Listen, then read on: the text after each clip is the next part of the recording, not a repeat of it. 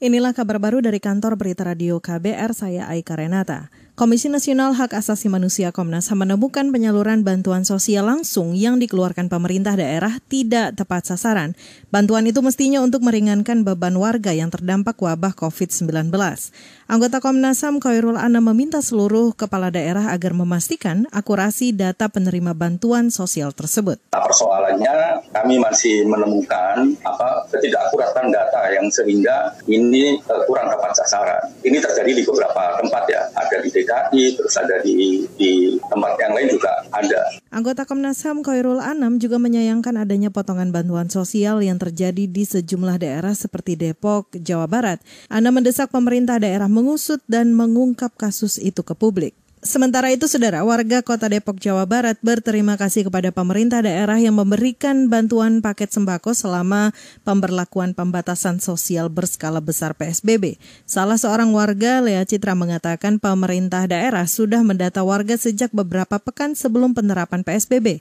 Paket sembako yang ia terima dari pemerintah Kota Depok antara lain beras, minyak, sirup, gula, dan mie instan bantuan itu membantu meringankan ya pastilah kan zaman virus kayak gini kan harga-harga sembako juga kan lagi mahal ya. Uh, kalau kesulitan sebenarnya sebenarnya kesulitan tuh nggak nggak nggak terlalu ngefek sih. Lah kesulitannya biasa aja gitu. Masih bisa terhandle semuanya sama psbb ini. Karena at least saya masih kerja kakakku masih kerja itu tadi warga Tapas Kota Depok, Jawa Barat, Lea Citra. Rabu pekan lalu, saudara pemerintah Kota Depok menerapkan pembatasan sosial berskala besar PSBB bersamaan dengan empat daerah lainnya di Jawa Barat, yaitu Kota Bogor, Kabupaten Bogor, Kota Bekasi, dan Kabupaten Bekasi.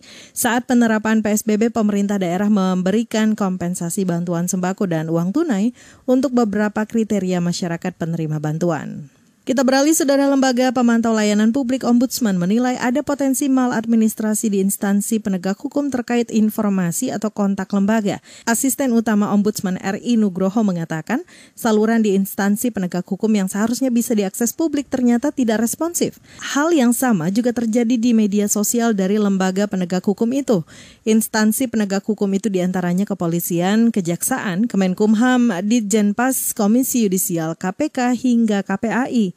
Ombudsman RI merekomendasikan instansi penegak hukum agar meningkatkan kesadaran petugasnya terkait pentingnya nomor kontak layanan dan media sosial sebagai akses masyarakat memperoleh informasi dan menyampaikan pengaduan terkait penyelenggaraan pelayanan publik terutama selama pandemi COVID-19. Kita ke mancanegara, pemerintah Korea Selatan menganjurkan pemerintah Indonesia segera melaksanakan pemeriksaan PCR virus corona secara massal.